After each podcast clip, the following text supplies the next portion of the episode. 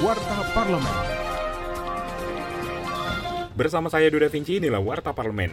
Wakil Ketua DPR RI Mohaimin Iskandar meminta pemerintah memperketat pintu kedatangan warga negara asing atau WNA maupun WNI dari luar negeri, baik di bandara, pelabuhan maupun pintu masuk perbatasan.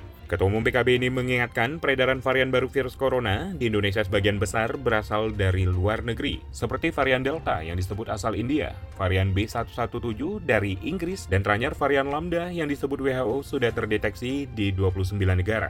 Warta Parlemen. Anggota Komisi 6 DPR RI Andre Rosiade mengingatkan persetujuan merger terhadap Pelindo berdasarkan semangat menjadikan BUMN ini sebagai operator kelas dunia yang mampu bersaing dengan perusahaan global sejenis.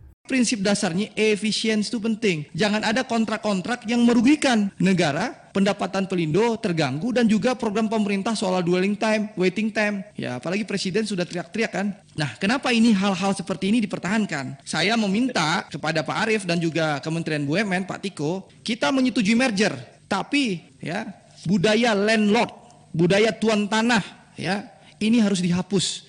Jadikanlah Pelindo ini benar-benar perusahaan operator kelas dunia yang ingin mendandingin perusahaan di Singapura maupun di Hong Kong serta di Inggris, bukan lagi tuan tanah. Informasi lebih lengkap kunjungi website dpr.go.id.